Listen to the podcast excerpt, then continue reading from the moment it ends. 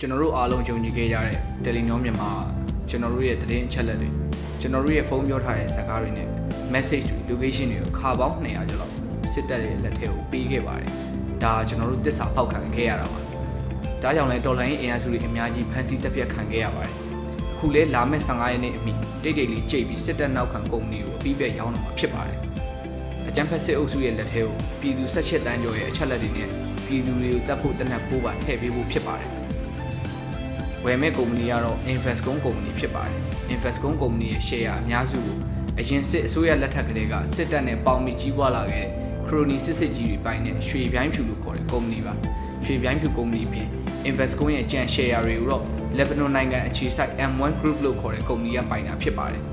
M1 Group ဆိုတာလည်းနာမည်ဆိုးနဲ့ကြော်ကြားနေတဲ့အာနာရှင်နိုင်ငံတွေမှာငွေရှာတဲ့လူမိုက်ဆန်ဆန်ကုမ္ပဏီဖြစ်ပါတယ် ဒီတော့ကျွန်တော်တို့ပြည်သူတွေငြိမ်ခံနေလို့ကတော့ကျွန်တော်တို့ကိုဖမ်းပါကျွန်တော်တို့ပြစ်ဖို့တနတ်ဖို့လဲယူပါလို့ပြောရမယ်ဖြစ်ဖို့တော့ရောက်ပြီပေါ့ဗျာ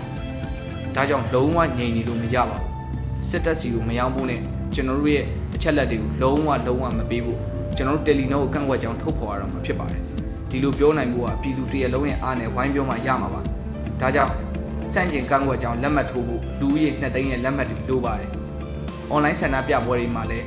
ပါဝင်ပေးကြဖို့လိုပါတယ် အကုန်လုံးပါဝင်မယ်ဆိုမဖြစ်နိုင်တာဘာမှမရှိပါဘူးတို့ပြည်သူတွေအားလုံးညီပါတယ်အရေးတော့ဘုံမုတ်ချအောင်ရမယ်